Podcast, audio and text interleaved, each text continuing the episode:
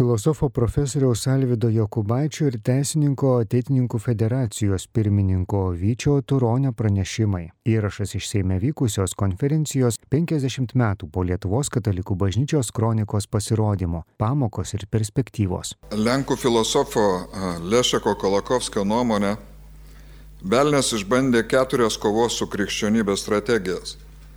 Savo kovą jis pradėjo nuo pirmųjų krikščionių persekiojimo tačiau kankinių kraujas sustiprino bažnyčią.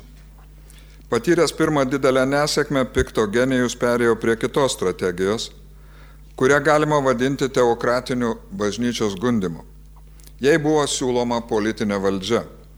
Nepaisant dalinės šio gundimo sėkmės, bažnyčia, bent jau vakaruose, pajėgė atsispirti karaliavimo žemėje pagundai.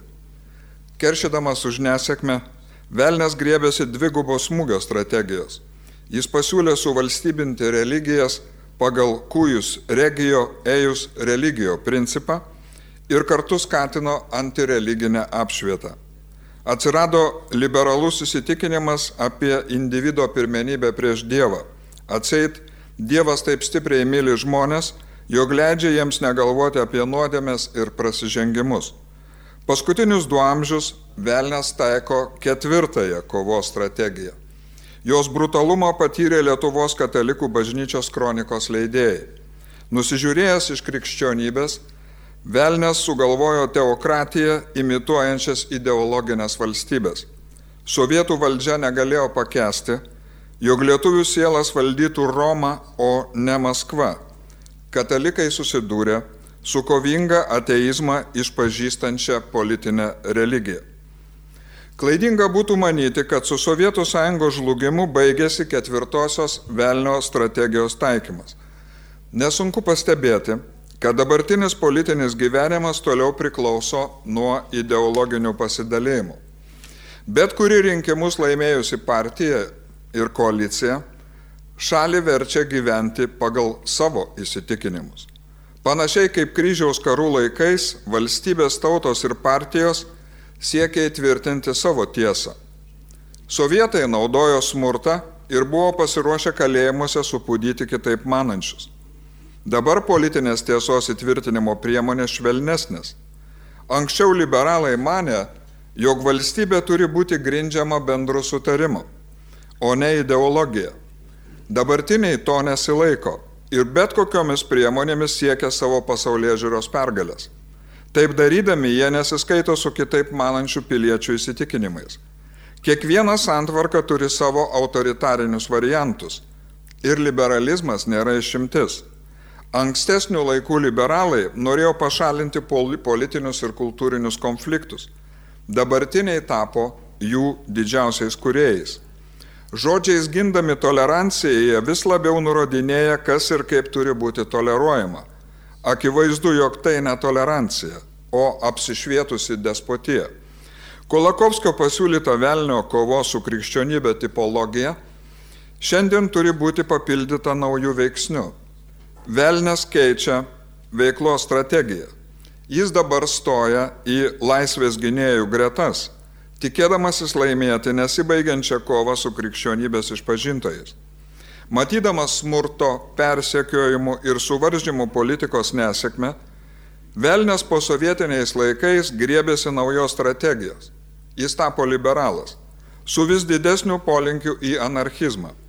Pasigirdus klausimui apie gėrį, Velnes žino tik vieną atsakymą - laisvė. Neįmanoma kalbėti apie gėrį. Panašiai, panašiai kaip anksčiau bažnyčia piknaudžiavo savo vienvaldystę, dabar tai daro liberalai. Velnes sukeitė figūrą šachmatų lentoje. Liberalai tapo monistais, o krikščionis pluralizmo gynėjais. Dabar ne bažnyčia, o liberalai patiria teokratinį gundimą. Katalikai šiandien geriau supranta politinio liberalizmo reikšmę negu liberalai. Pastarėjai nori iš prigimties laisvų žmonės išlaisvinti remdamėsi valstybinės valdžios gale iš prigimties laisvus žmonės išlaisvinti, remdamėsi valstybinės valdžios gale. Žvelgiant iš istorinės perspektyvos, sovietinė valdžia buvo nenusekli krikščionybės persekiotoja. Komunistai nors ir formaliai pripažino religijos laisvę. Mūsų dienomis pikto genijus taiko naują strategiją. Permaina prasidėjo nuo vis dar nenutylančio ginčio dėl šeimos. Konstitucinio teismo teisėjai pateikė tokį platų šeimos apibrėžimą, juk pasidarė neaišku, kuo šeima skiriasi nuo kitų aš ir tu santykio formų. Lietuviai šiandien jau nežino, kas yra šeima, moteris, vyras ir santoka. Velnes stengiasi priartinti religijos laisvės pabaigą ir todėl kūrė žodžio religija neaiškumą. Sekantis etapas, manau, kad bus šitoj e, vietoj. Lietuviai seniai religiją vadina krepšinį, o per pandemiją jie buvo pavirtęs mokslas. Velniui dabar užtenka pasakyti, jog religija be Dievo, tai yra ateizmas, taip pat vadintinas religija. Šeimos sampratos keitimo stiliumi galima pradėti diskusiją apie religijos laisvės pašalinimą ir įrodinėti, jog demokratiniai visuomeniai užtenka pažiūrų laisvės ir nereikia ginti atskiros religijos laisvės. Kai Lietuvos krikščionis nesustodami prašo nekurti alternatyvių šeimos sampratų, liberalai juos nekreipia dėmesio, nes jie jiems yra tik krepšinio sirgalių klubo analogas Greitai turėtų nuskambėti mintis, juk tikėjimas Dievu negali turėti teisinės apsaugos. Juk krepšinio sirgaliai ir ateistai neturi savo religijos kabutėse apsaugos. Istoriškai religijos laisvė atsirado kaip reformacijos laikų konfliktų sprendimo padarinys. Nesibaigiančių karų akivaizdoje buvo nutarta religijos išpažinimą paversti pagrindinę žmogaus teisę. Šiandien velnės pastebėjo krikščionių abejingumą savo tikėjimo gynimui. Palyginus su musulmonais ar judaizmo išpažintojais, krikščionys kantriai nutylė savo tikėjimo pažeminimą. Jie bando save apginti teisinėmis priemonėmis, tačiau įstatymų leidyba yra jų oponentų rankose. Dabartinių visuomenių įstatymus leidžia krikščionybę suprasti nenorintis parlamentarai. Samoningai didinamas pagrindinių žmogų apibūdančių savokų neiškumas. Panašiai kaip dingo šeimos sampratos aiškumas, dabar gali dingti religijos sampratos aiškumas. Sunykus vienam religijos, šeimos ir autoriteto trejybės elementui, grėsmė iškyla likusiems. Šiandien vis labiau pasiklystame abstrakcijų labirinte ir vis sunkiau randame kelią į tikrovę. Velnes toliau bando pasinaudoti ideologinės valstybės galimybėmis. Liberalai jau buvo suradę, jau buvo suradę taikaus skirtingų įsitikinimų žmonių sugyvenimo būdą. Dabar jie pasidarė panašus į karingojo ateizmo atstovus. Prie to prisideda visos mūsų politinės sistemos sąranga. Eidami į rinkimus, politikai prieš savo valią turi būti kvazi religiniais misionieriais, tai yra žadėti pasaulio išganimą. Katalikų sakramentinė šeima tūkstančius tūkstantmečius gyvavo be valstybės paramos. Dabar liberalų ginama šeimos pamėgdžiojama turi įtvirtinti ir saugoti valstybę. Susidurėme su liberalios demokratijos prieštaravimu. Liberalai turi žadėti, ką nors išlaisvinti, nes kitaip pralaimės rinkimus. Jie žada kokios nors grupės išlaisvinimą politinio liberalizmo principų paminimo sąskaitą. Tarp parlamentinės demokratijos ir liberalizmo ryškėja prieštaravimas. Demokratinės kovos už valdžią logika liberalus verčia per valstybę įtvirtinti tai, kas klasikinio politinio liberalizmo požiūriu turi būti palikta asmenims ir jų bendravimui. Anksčiau liberalai sakydavo, kuo mažiau valstybės. Dabar jie sugeba veikti tik per valstybę ir įstatymų leidybą. Valstybė pradėjo reguliuoti tiek daug žmogaus gyvenimo aspektų, jog XIX amžiaus pirmos pusės baudžiauninkai pradeda atrodyti kaip su valstybė išimtinėmis progomis susidūrė liberalai. Kodėl racionalizmų garsėjanti vakarų civilizacija staiga prarado elementariausių dalykų supratimą? Renesanso laikais krikščionybei buvo priekaištaujama dėl jos fantazijų apie nematomus dalykus. Modernieji filosofai ir mokslininkai žadėjo remtis faktais ir parodyti tikrai pasaulį. Tačiau šio pažado rezultatas priešingas. Mes jau nežinome net to, ką žinojo mūsų pirmtakai. Mokslų grindžiamos vakarų civilizacijos žmonės nebežino, kas yra šeima, moteris ar religija. Modernusis menas šiandien net vaizduoja pasaulį, bet kuria atskirą prasmių tikrovę. Ta pati galima pasakyti apie politiką. Parlamentarai nereprezentuoja piliečius, kaip oficialiai teigiama, bet įrodinėja savo pačių reikalingumą. Kartais atrodo, jog pagrindinių naujausios velnio kovos su krikščionybės strategijos tikslu yra skirtumo tarp tikrovės ir fantazijos pašalinimas. Miestų aikštės tapo pležais, parlamentai teatrais, o teatrai bažnyčiomis. Po išorinių vakarų mokslo ir praktinio gyvenimo racionalizmo velnės skatina neregėto nuprotėjimą. Kolakovskio atidžiai tyrinėtas velnės šiandien vadovaujasi tinka bet kas anything goes strategija. Nelieka darybė ir ryda, ištikimybė ir išdavystė, meilė ir pornografija skiriančios ribos. Žadėjusi pasaulio pažinimą ir tai dalinai įgyvendinusi, modernioji kultūra pamažu virsta dideliu moraliniu pasimetimu. Kai kas nors Franco Kafkos metamorfozės herojaus stiliumi šiandien sako atsibūdęs vabalu, šį dalyką turime pripažinti kaip tikrovę. Ir to sargyba jau išstatyta politinio korektiškumo kariuomenė. Remiantis naujausią velnio strategiją, turi nelikti abejonės dėl žmogaus galimybės būti vabalu. Gyvendami pažangos karalystėje, moderniai žmonės prarado elementarių dalykų supratimą Įvažiuojant į Lietuvą jau galima statyti stendą. Visos kombinacijos įmanomos, svarbiausia brūkšnys nesiliauti kombinavus. Pagrindinių rūpeščių yra pabėgimas nuo tikrovės. Į Dievą tikintis krikščionis jau yra ne kvailiai, kaip jiems žadėjo Paulius, šventas Paulius, bet pagrindiniai nuo žmogaus nepriklausomos tikrovės gynėjai. Dievo religijų ir vadinamųjų politinių religijų arba ideologijų konfliktas įžengia į naują etapą. Ankstesnių laikų liberalai mane, kad politika turi būti mažai reikšmingų žmogaus gyvenimo aspektų. Dabartiniai siekia reguliuoti visas žmogaus gyvenimo sritis nuo miegamojo iki karsto. Laisvės gynėjai vis labiau tampa fanatikais. Jie užmiršo savo pirmtakų pažadą išlaisvinti piliečius nuo valstybės kišimosi į žmogaus gyvenimą. Jeigu parlamentiniai daugumai netikėtai kiltų mintis arklį padaryti parlamentaru, parlamente būtinai turėtume arklių. Jeigu ateistai pradės reikalauti ginti religiją be Dievo, tai yra ateizmą, parlamentarai būtinai taps jo gynėjais. Neliko ekstravagantiško sumanimo, kurio nenorėtų ginti politikai.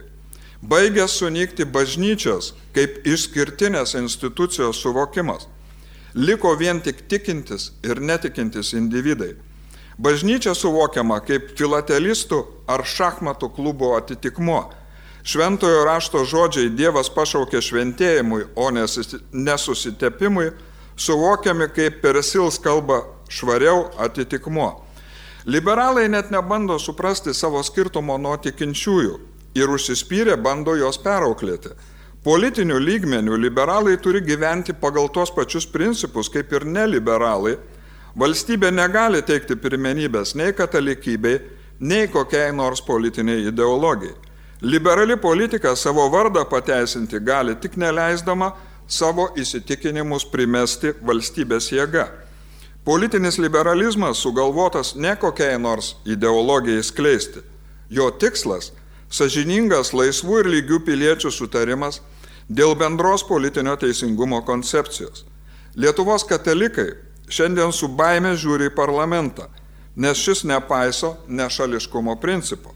Tai ryškiai rodo eksperimentų su šeima ir jos pakaitalais atvejais. Anksčiau moralinio nesutarimo situacijoje viską palikdavę visuomeniai, liberalai dabar pirmiausiai griebėsi valstybės.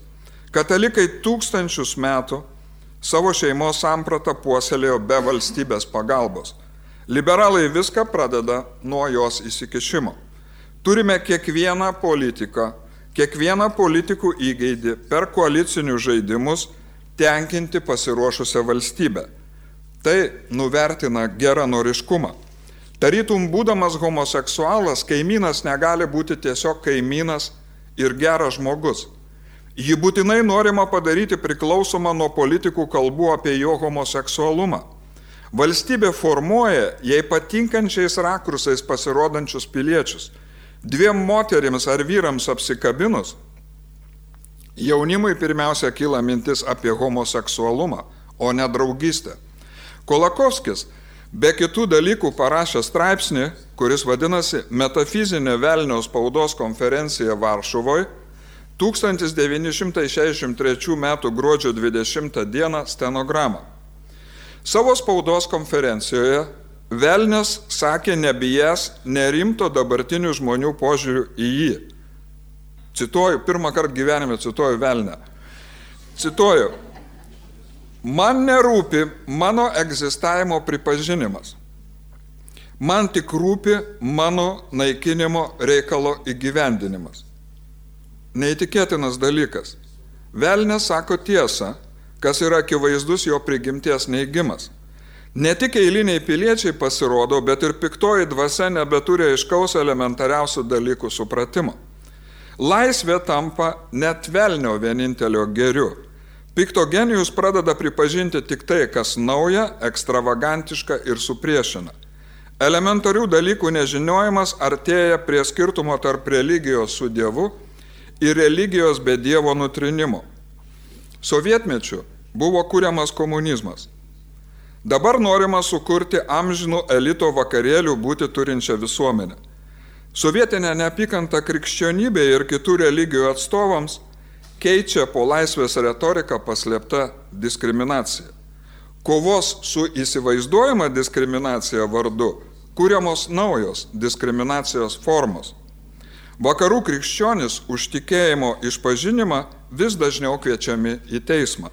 Velnes, kaip atrodo, sėkmingai pateisina savo seną, tačiau nepagristai užmiršta Luciferio arba šviesos nešėjo vardą. Darosi sunku atskirti, kur kultūros pažanga, o kur šviečia Luciferis. Ačiū uždėmesi.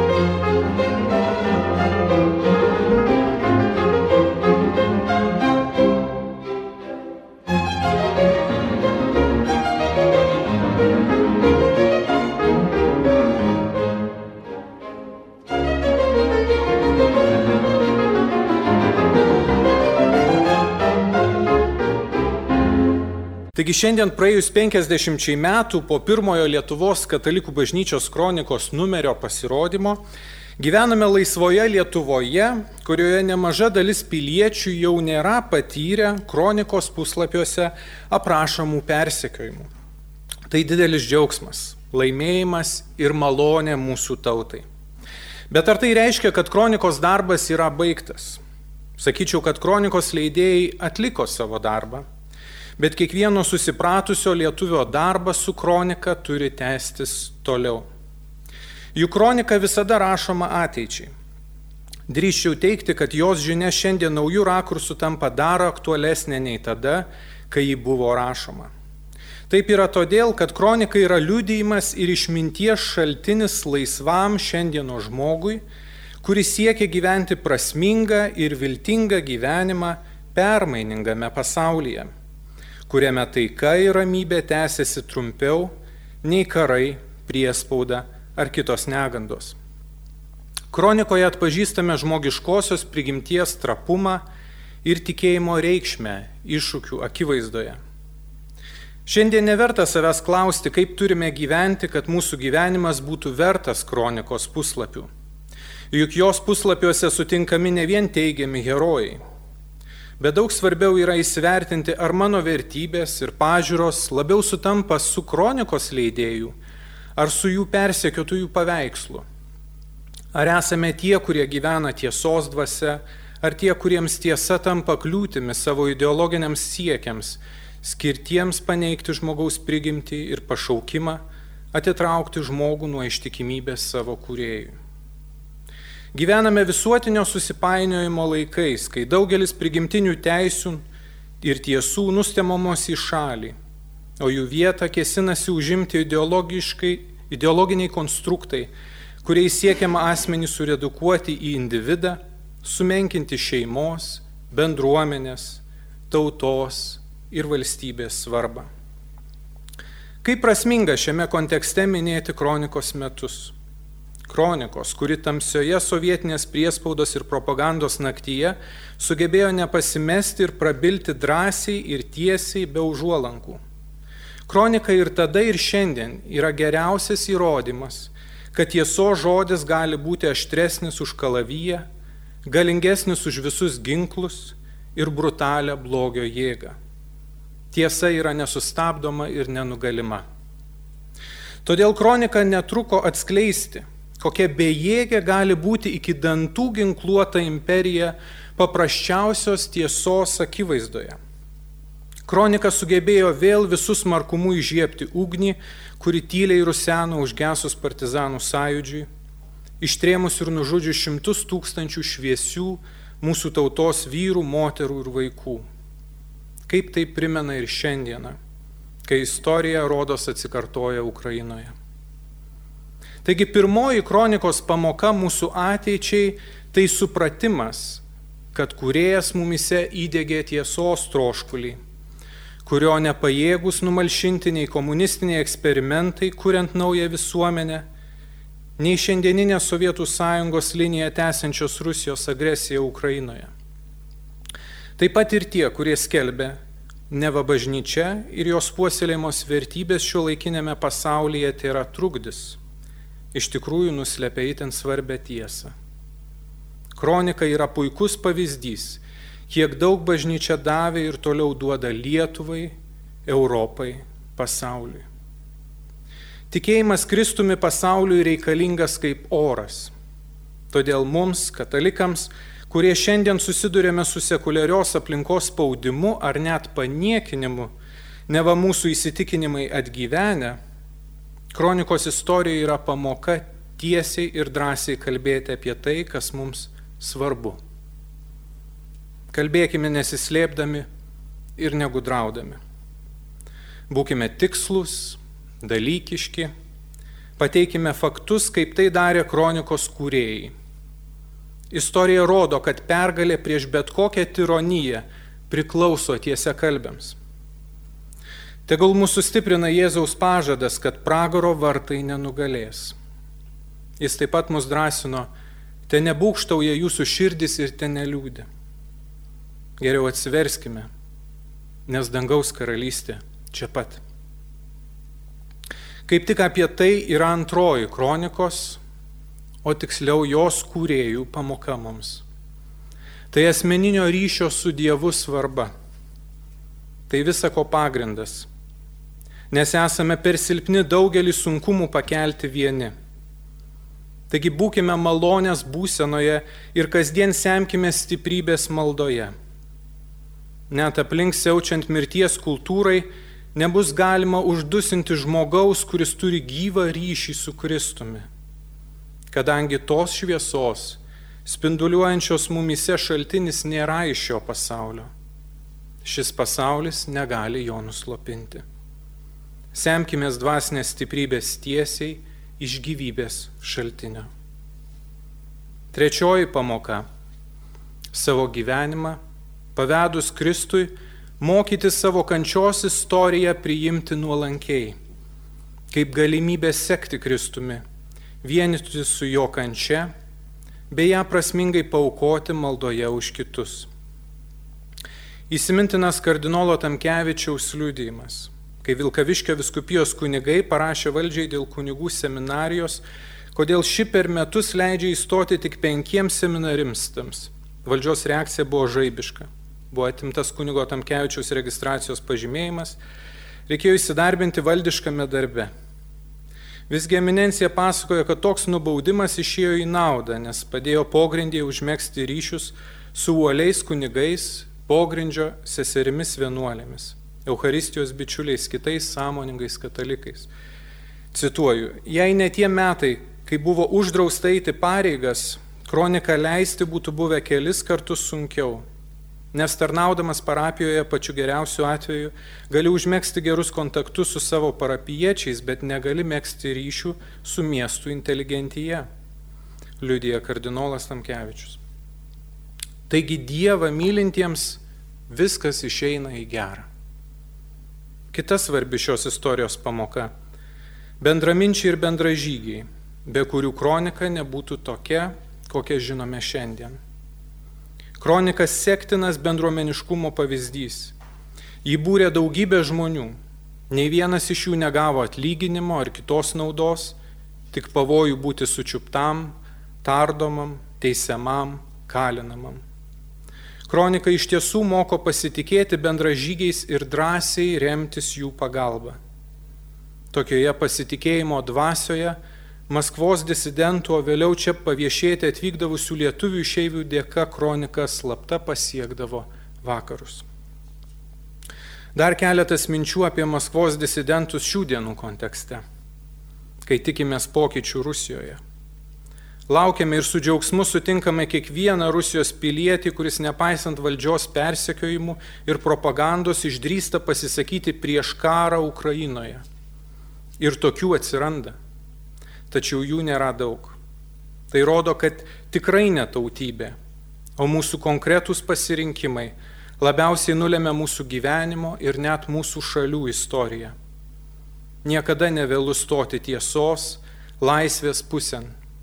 Nevėlu atsiversti ir apgailėti savo kaltes. Tik tai padarius galima laukti tikro atsinaujinimo, atleidimo ir susitaikymo. Kronika nuo meto Lietuvoje plėtė laisvės ribas. Pirmiausia, dvasinės, bet ir politinės laisvės. Nuvilnijusi per pasaulį ir jį sudominusi, atgaivinusi susidomėjimą Lietuvos laisvės byla, kronika drąsino žmonės ir vertė sovietinę valdžią susigūšti. Nesugebėdami kronikos likviduoti, okupantai buvo priversti daryti nuolaidas vengti aštrių diskriminavimo atvejų, nes visgi norėjo palaikyti normalios valstybės iliuziją pasaulio akise. Kokį ilgą laisvės kelią Lietuva nuėjo su kronika. Regime palyginę pirmąjį ir paskutinį numerius. Pirmojoje kronikoje skelbiama apie kunigo Juozos Debskio Prospero Bubnio bylas dėl vaikų katechizavimo valkininkų klebono Algymanto Keinos persekiojimą dėl tos pačios priežasties. Margininkų klebonas Petras Orlickas baudžiamas už tinklinio žaidimą su vaikais. Kleopa Bičiučaitė teisiama dėl vaikų rengimo pirmai komunijai. Akmenės kunigas dėl ligonių lankymo. Tuo tarpu kunigas Antanas Šeškevičius toliau persekiojamas net ir atlikęs bausmę. Tokia tad buvo realybė pradėjus leisti kroniką. Tačiau netrukus ji pradėjo keistis. Apie šį pokytį randame užsimintą kardinolo Tamkevičiaus atsiminimuose. Jeigu iki kronikos atsiradimo valdžios pareigūnai labai drąsiai musengė, tai pradėjus jai eiti, ypač kai sklaida pasidarė gausi, Valdžia pradėjo daug kur atleisti varštus. Pavyzdžiui, po 72 metų jau nenuteisė nei vieno kunigo už vaikų katechizaciją, nors prieš tai vieną po kito teisdavo. Taip pat buvo nustatytas limitas, kad į kunigų seminariją per metus gali įstoti viso labo penki seminaristai, tačiau pradėjus eiti kronikai greitai leido įstoti jau dešimčiai, dar po metų penkiolikai ir tas skaičius vis didėjo. Citatos pabaiga. Būdamas teisininkas, negaliu į to meto realybę nepažvelgti ir profesiniu žvilgsniu.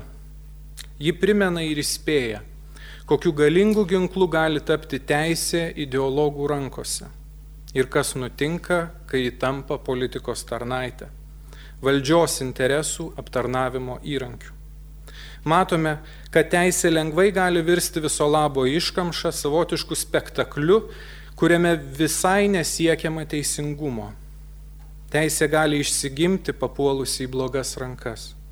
Todėl ji yra ir turi būti pirmiausiai susijusi su prigimtiniu įstatymu, dorove ir teisingumu.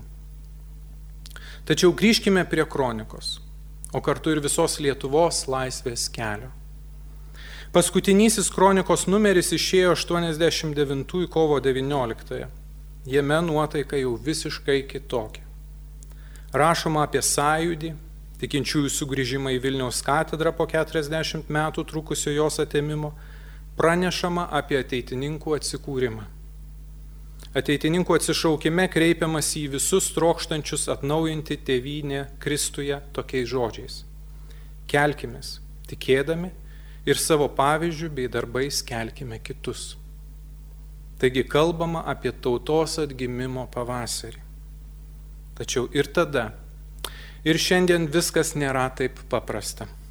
Tame pat numeryje tautos atgimimo nuotaikoje visgi randame ir visai kitokį pavyzdį. Čia rašoma, kad dėl sąjūdžio iniciatyvinės grupės surenkto susitikimo su buvusiais tremtiniais pasipiktinusi kritiškai atsiliepė tautietė sovietinėme laikraštyje.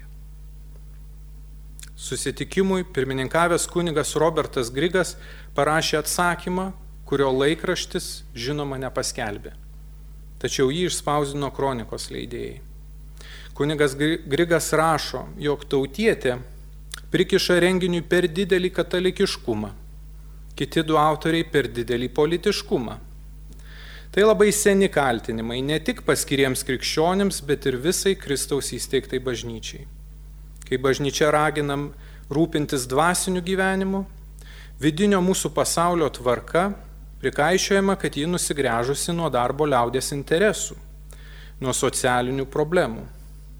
Kai aktyviai reiškiasi ir šiuose gyvenimo srityse, išsako savo poziciją, reglamentuoja katalikų laikyseną, šaukiama, kad jį klerikalinė, kad kišasi į politiką, apskritai dirba ne savo darbą. Žodžiu, nuostabiai pasikartoja švento rašto istorija Buvo atėjęs Jonas, nevalgus ir negerintis, tai jie kalbėjo, jis demono apsėstas, atėjo žmogaus sūnus valgantis ir gerintis, tai jie sako, štai ir jūnas, ir vyno gerėjas, muitininkų ir nusidėjėlių bičiulis. O liaudiškai tariant, kai norima mušti, lasda visada atsiras, rašo kunigas Grigas. Atrodo šios eilutės kai kada tiktų ir mūsų dienų bažnyčios kritikų argumentams atremti. Nepaisant to, pirmojo ir paskutiniojo numerių žinutės radikaliai skirtingos. Kronika nuėjo labai ilgą kelią. Leidėjai prisimena, kad pradedant darbus viskas atrodė tarsi tirštame rūke, nes Lietuva nuo laisvojo pasaulio atskyrusi geležinė uždanga tikrai buvo geležinė. Tuomet su išoriniu pasauliu neturėta beveik jokių ryšių. Tad ir buvo neaišku, ar kronika kas susidomės, ar ji pasirodys aktuali. Tačiau išgirdus ją skaitoma per Vatikano radiją, Laisvosios Europos radiją tapo aišku, jog pataikyta į dešimtuką. Kronika tapo pavasariniu spinduliu, pradėjusiu sklaidyti tą tirštą rūką, gaubusi mūsų kraštą ir kai kada mintis. Ji tapo akmeniu, kurį įmetus tarptautiniai vandeniai plačiai nuraibuliavo vandenys, pasiekdami tolimiausius kraštus. Į kitas kalbas išverstos kronikos pasiekdavo net tolimąją Afriką. Jau gerokai vėliau, įsibėgėjant Lietuvos atstatymui, kronikos leidėjai nusprendė, kad leidinio misija atlikta. Kronika didžiulio suspaudimo sąlygomis nenutrūkstamai leista net 17 metų supant tūkstančiams agentų ir dešimtims tūkstančių jų bendradarbių, yra Dievo stebuklas. Jo galybės liudijimas ir pasireiškimas mūsų istorijoje. Jo prielankumo, gailestingumo ir meilės ženklas mums. Kaip šiandien Lietuvoje turime gailestingojo Jėzaus paveikslą, aušros vartų gailestingumo motinos paveikslą Šiluvą, taip turime ir kroniką. Kaip malonę ženklą kad esame labai artimi ir brangus Dievo širdžiai. Kronika kaip ir lietuvių tauta, kaip ir mūsų valstybė, liko nenugalėta. Kartu tai yra atsakymas į klausimą, ar įmanoma nugalėti tikinti žmogų. Krikščionybė iš tiesų turi didžiulį transformacinį potencialą, ne tik per atsivertimo malonę Kiekviena net ir mažiausia katalikybės salelė su savimi neša geriausią dviejų tūkstantmečių patirtį ir išmintį. Net atskirti nuo pasaulio geležinę uždangą tikintieji gali nešti viešpatė šviesą, kuriai nėra sienų, ir skelbti jo tiesą, kuriai nebaisus kalėjimai ir tardymai. Širdis, kuri artima viešpačiui, nebijo nei liūtų nasrų, nei persekiojimų ir net gali laikyti juos garbe dėl Jėzaus vardo.